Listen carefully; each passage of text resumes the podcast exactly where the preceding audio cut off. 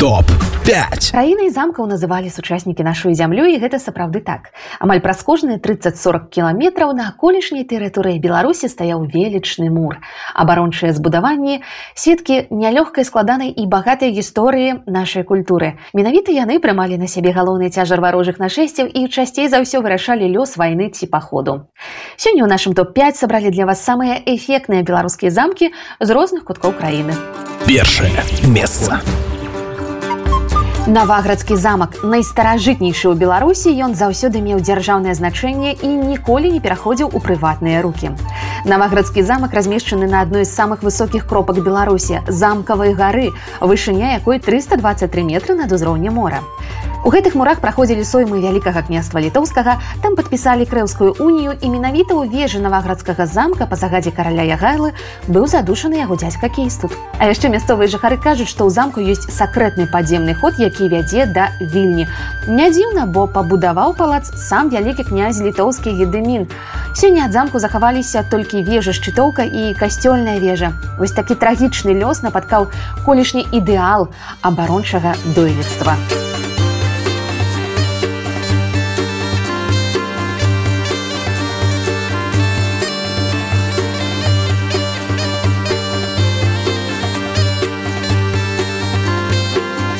другое месца замак мірскі. Рэзідэнцыя радзівіла з часам яе выгляд трошки змяніўся але ў цэлым дух сярэднявечча захоўваецца ў мірскім замку і да сёння.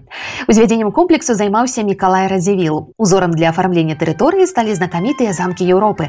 Шанбрун версаль шамбор. Гісторыя мірскай крэпасці агорнутая рознымі легендамі і таямніцамі. Гэта і галава барана ў сцяне што нібыта падтрымлівае фасады і чалавеку доўгім цёмным плашчы і цыліндры за якога можа і мову адняць. Ну і вядома бяскрудная сонечка ахвяра праклятага яблыневага саду які быў сечаны дзеля жывапіснага вадаёму якім потым сталі тануць людзі. І вось як ты разбярэшся што тут праўда а што фантазія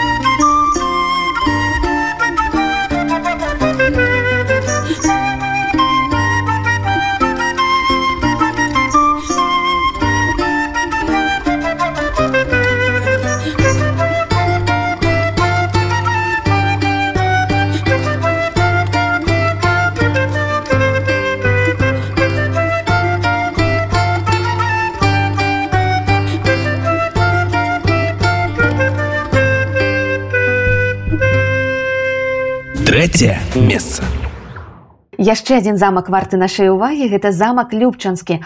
Гэта адзінае ў беларусь падобнае збудаванне якое аднаўлялася валанцёрамі выключна на грошы дабрачыннага фонду.